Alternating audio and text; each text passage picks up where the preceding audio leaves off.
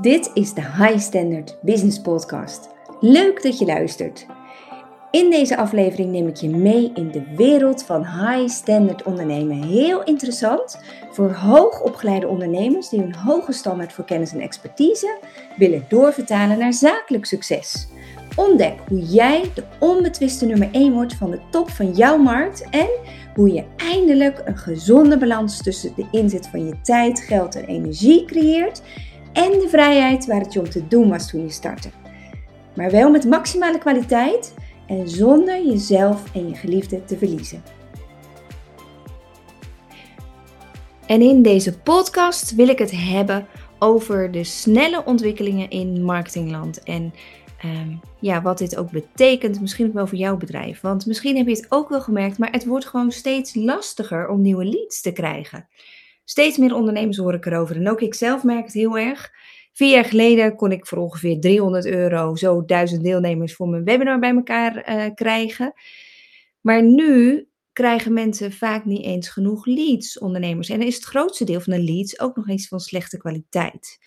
Mensen twijfelen, mensen die alleen maar een beetje rondkijken op je website, de prijs te hoog vinden, eerst nog even ergens anders willen kijken. Het wordt steeds lastiger. En ik denk dat dit alleen maar erger zal worden. Ik zit nu vijf jaar in de, in de kennisindustrie eh, in combinatie met internetondernemen. En ik zie enorme veranderingen in hoe klanten bijvoorbeeld reageren. De manier waarop ze aankopen doen. Maar ook in de manier waarop je jezelf moet vermarkten. En in de fase waarin we nu zitten, daar gaat dat niet veranderen. Dat wordt niet teruggedraaid. Het wordt alleen maar erger. En als je hier geen grip op krijgt als ondernemer, ja, dan gaat het ook niet beter worden voor je. En ehm, er zijn twee redenen waarom dat zo is. En het eerste is, het aantal coaches en trainers is enorm. Er zijn dagelijks weer mensen die zich omscholen tot coach of tot adviseur of business coach, marketing coach. Het maakt ook niet uit wat, maar de branche waarin informatie wordt gedeeld, die is echt zo ongeveer ontploft. Dus dat is de eerste uh, reden waarom het ook niet beter gaat worden de komende tijd. De tweede reden is door die groei van het aanbod is het koopgedrag van klanten aan het veranderen. Mensen zijn echt super kritisch en sceptisch. En als ik het vergelijk met toen ik startte, is het ook veel lastiger dan, uh, om te verkopen dan toen. Um, en um, er zijn zoveel coaches. Het is een beetje een soort hype. Hè? Ze zeggen en ze doen ook vaak allemaal hetzelfde. En wat, ook heel, wat het heel lastig maakt, is dat sommige mensen zeggen dat ze iets kunnen bieden, maar die kunnen dat eigenlijk helemaal niet. Waardoor, um, ja, waardoor ze eigenlijk slechte dienstverlening leveren. Waarna dus alle coaches, trainers, et cetera, dus over één worden geschoren vaak. En, um, ja, en, en wat ook een probleem is, is dat wat um, ja, de hele bekende coaches, de goeroes doen, dat dat de norm is geworden. En wat iedereen jou dus als ondernemer vertelt hoe je het zou moeten doen, dat is op de goeroe manier. En ik zeg niet dat het niet waar is wat deze mensen vertellen. Um, want die goeroe manier die werkt voor hen omdat ze al super bekend zijn en ook vaak goed zijn op video. Iedere dag live zijn op social media met duizenden fans, maar ook met honderdduizenden euro's marketingbudget. En dat werkt dus voor als je al super bekend en echt mega groot bent omdat ze guru zijn. Duizend mensen op hun mailinglist. Maar dat is waarschijnlijk nog niet waar jij bent. Dat is ook niet waar ik ben. En ik weet ook niet precies hoe het met jou zit. Maar ik startte aan de keukentafel naast het wasrek en overal rondslingerend speelgoed van mijn kleintjes. Zonder al te veel middelen. En ik moest het echt vanaf het begin opbouwen. Ik had echt geen inkomen toen ik startte, omdat ik echt overal mee was gestopt om ruimte te scheppen. Ik had alle schepen achter me verbrand voor dit avontuur. En ik probeerde echt van alles uit. Um, worstelde met funnels, met prijzen. En um, nou, dat herken je vast wel. Maar wat ik je ook echt heel graag in deze podcast wil uitleggen, is wat er dus is veranderd. En wat er dus niet langer werkt. En het zal je heel veel inzicht geven in ja, wat er alleen maar uh, slechter gaat worden. En dat is niet om je te ontmoedigen, maar wel om je een soort wakker te schudden. En um, wat ik je ook wil geven is een aantal ontbrekende inzichten. Waarom dingen vaak niet meer werken. wat je allemaal ook probeert met je marketing. Waarom mensen nee zeggen als je een verkoop probeert te sluiten. Of waarom ze de prijs niet willen betalen. En je gaat begrijpen waarom het zo lastig is op dit moment. Maar ook dat je de boot gaat missen als je nu blijft dralen. Ik zou willen zeggen, spring ook snel op die boot om dingen te fixen en te zorgen dat het op korte termijn wel voor je gaat werken.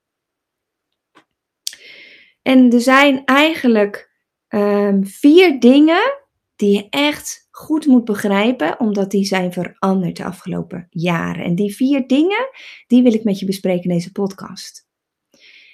Allereerst is het heel goed om te beseffen dat de coachings, trainings, adviesindustrie eigenlijk door drie fases is gegaan. En op dit moment zijn we in die derde fase. De eerste fase was dat coaching vrij nieuw was, hè, ook zeker online.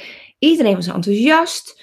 Kopers waren ook een beetje klaar met ehm, ja, hele grote seminars met veel sprekers. En ze wilden veel liever één op één, wat persoonlijker contact. Dus, dus ze wilden één iemand volgen. En wanneer je dan een goede niche had als kenniswerker, dus een specifieke doelgroep, dan zat je ook echt gebakken.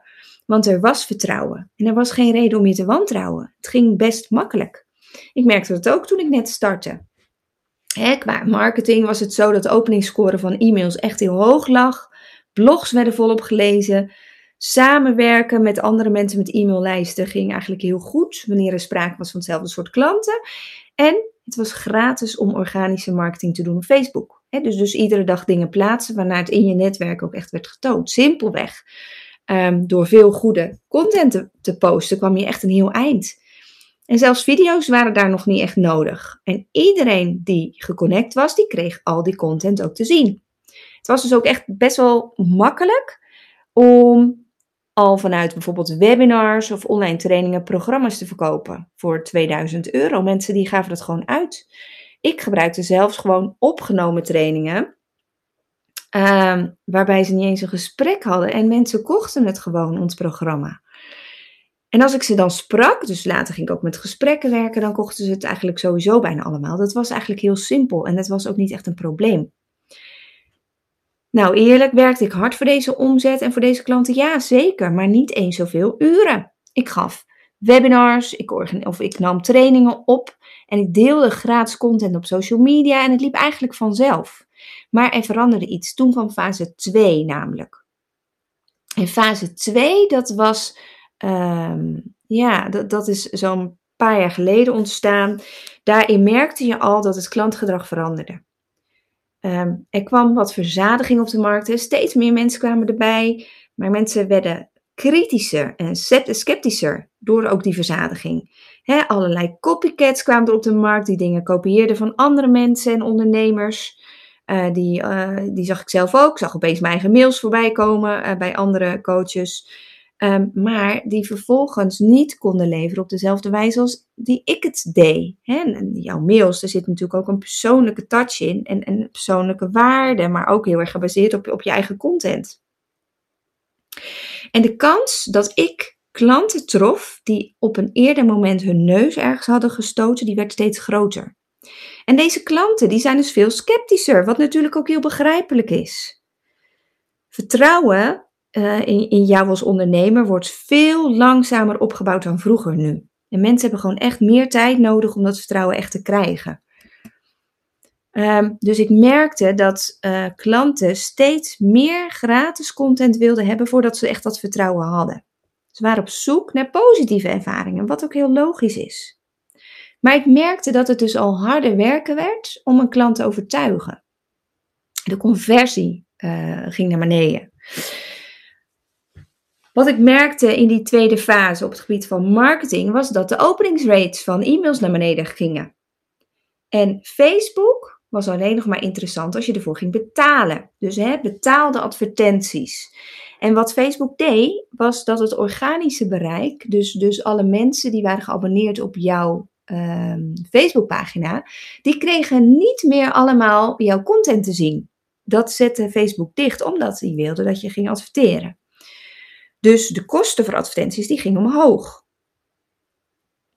En niet adverteren op Facebook betekent dus dat je bedrijf binnen de kortste keer om zeep is. Omdat je met die organische content, voor alleen voor je eigen doelgroep, ja, dat, dat gaat steeds minder hard, omdat het dus wordt dichtgezet. Nou, en deze ontwikkeling die zorgt eigenlijk voor twee dingen.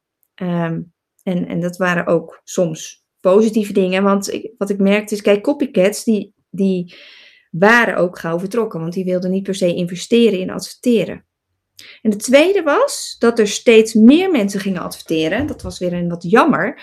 Met het gevolg dat de advertentiekosten de afgelopen jaren enorm zijn gestegen. Omdat je dus met velen moet concurreren op dat veilingssysteem van Facebook. Nou, die tweede fase, dat is dus de fase van enorm veel gratis content. En de boodschap hierin was ook: zorg dat je gezicht overal te zien is, dat je overal aanwezig bent dus dat je een soort marketing tsunami creëert. Een soort, ehm, ehm, ja, een soort celebrity boodschap ook voor alle ondernemers. Je moet mensen meenemen in je persoonlijke leven. Je moet heel veel video's opnemen. Je moet iedere week een nieuwe weggever hebben. Je moet een boek hebben.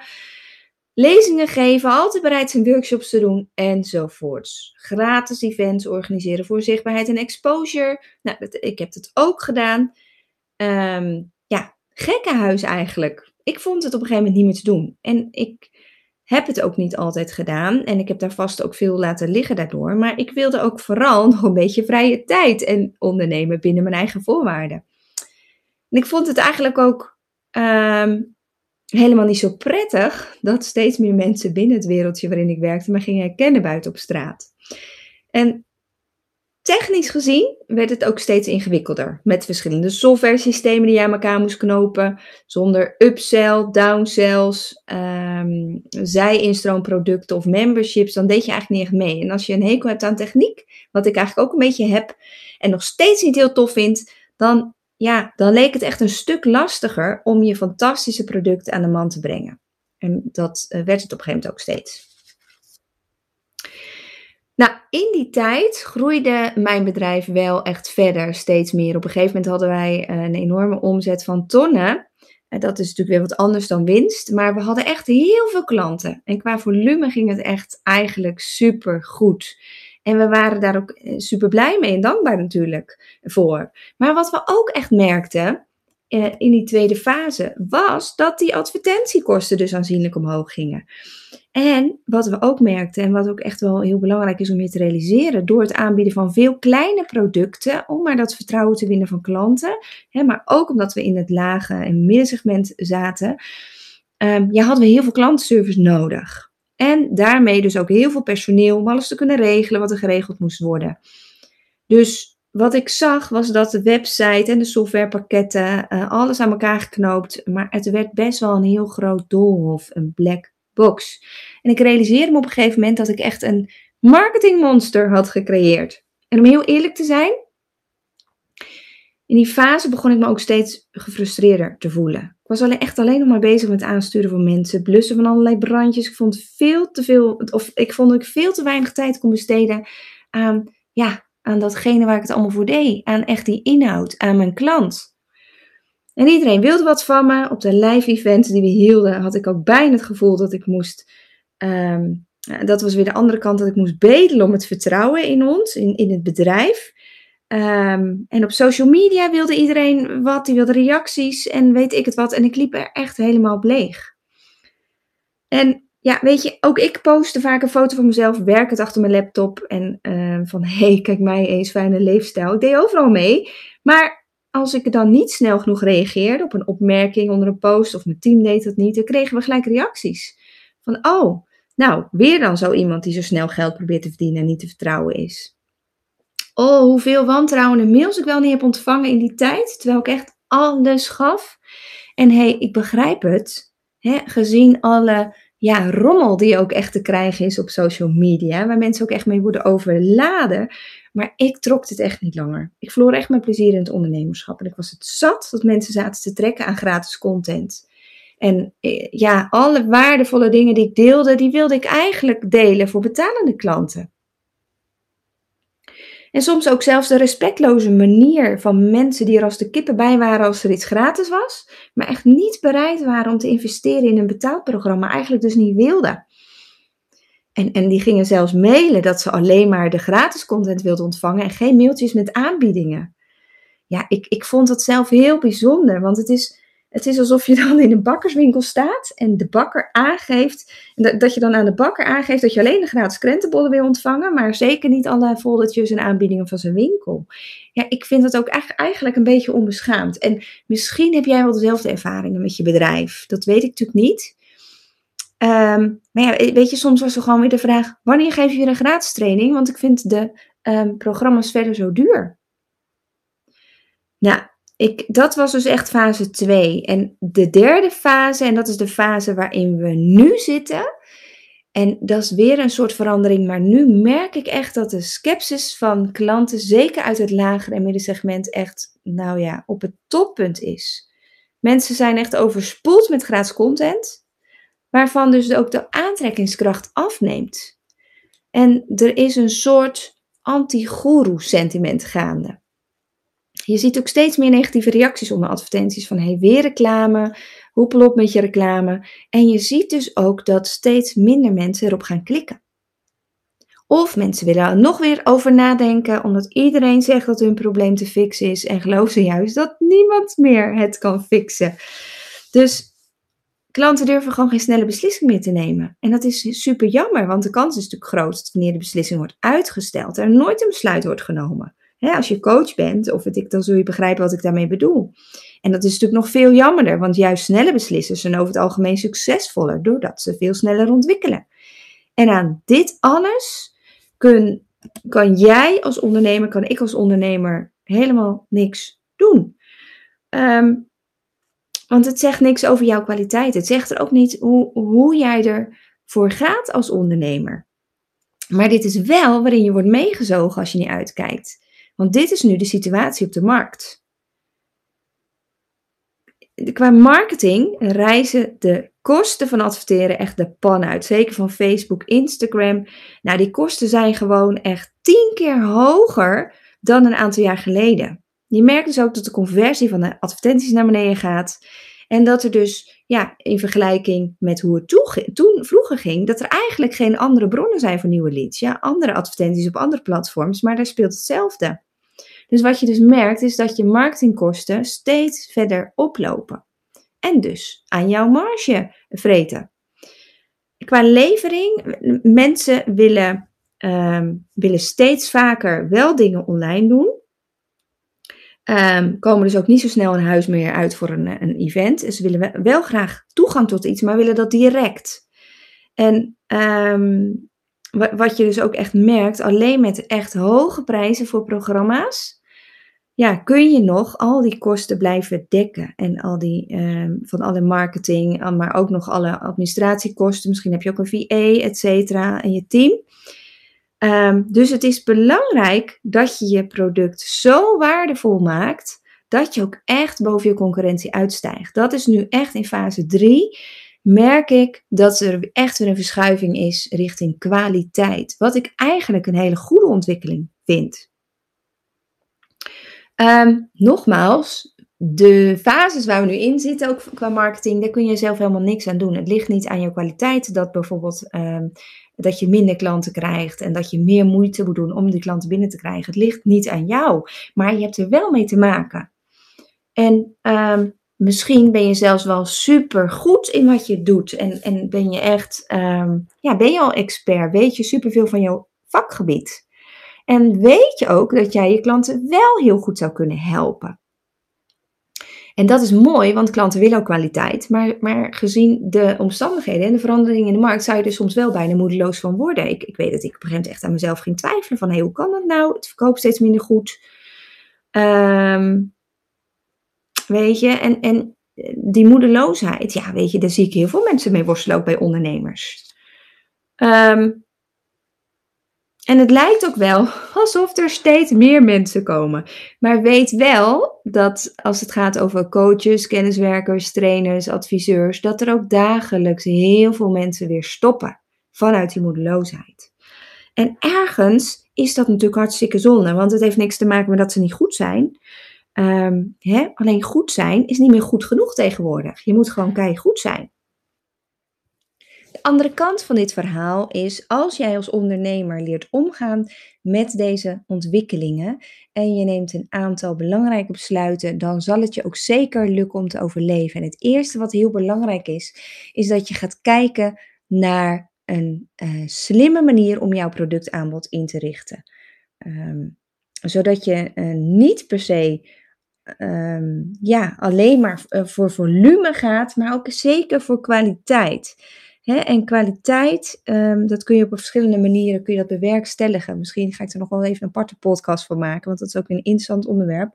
Maar zorg dat je je productaanbod op een slimme manier inricht, waardoor je tijd en energie vrij houdt om ook echt die kwaliteit te leveren die wordt gevraagd op dit moment. Het tweede is, vraag echt een eervolle prijs voor je werk.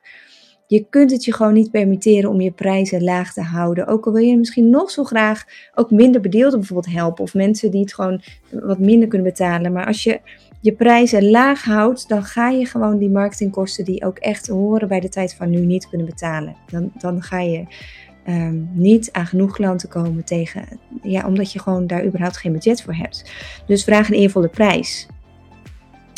En um, wat je vervolgens ook nog kunt doen, is je richten op de bovenkant van de markt.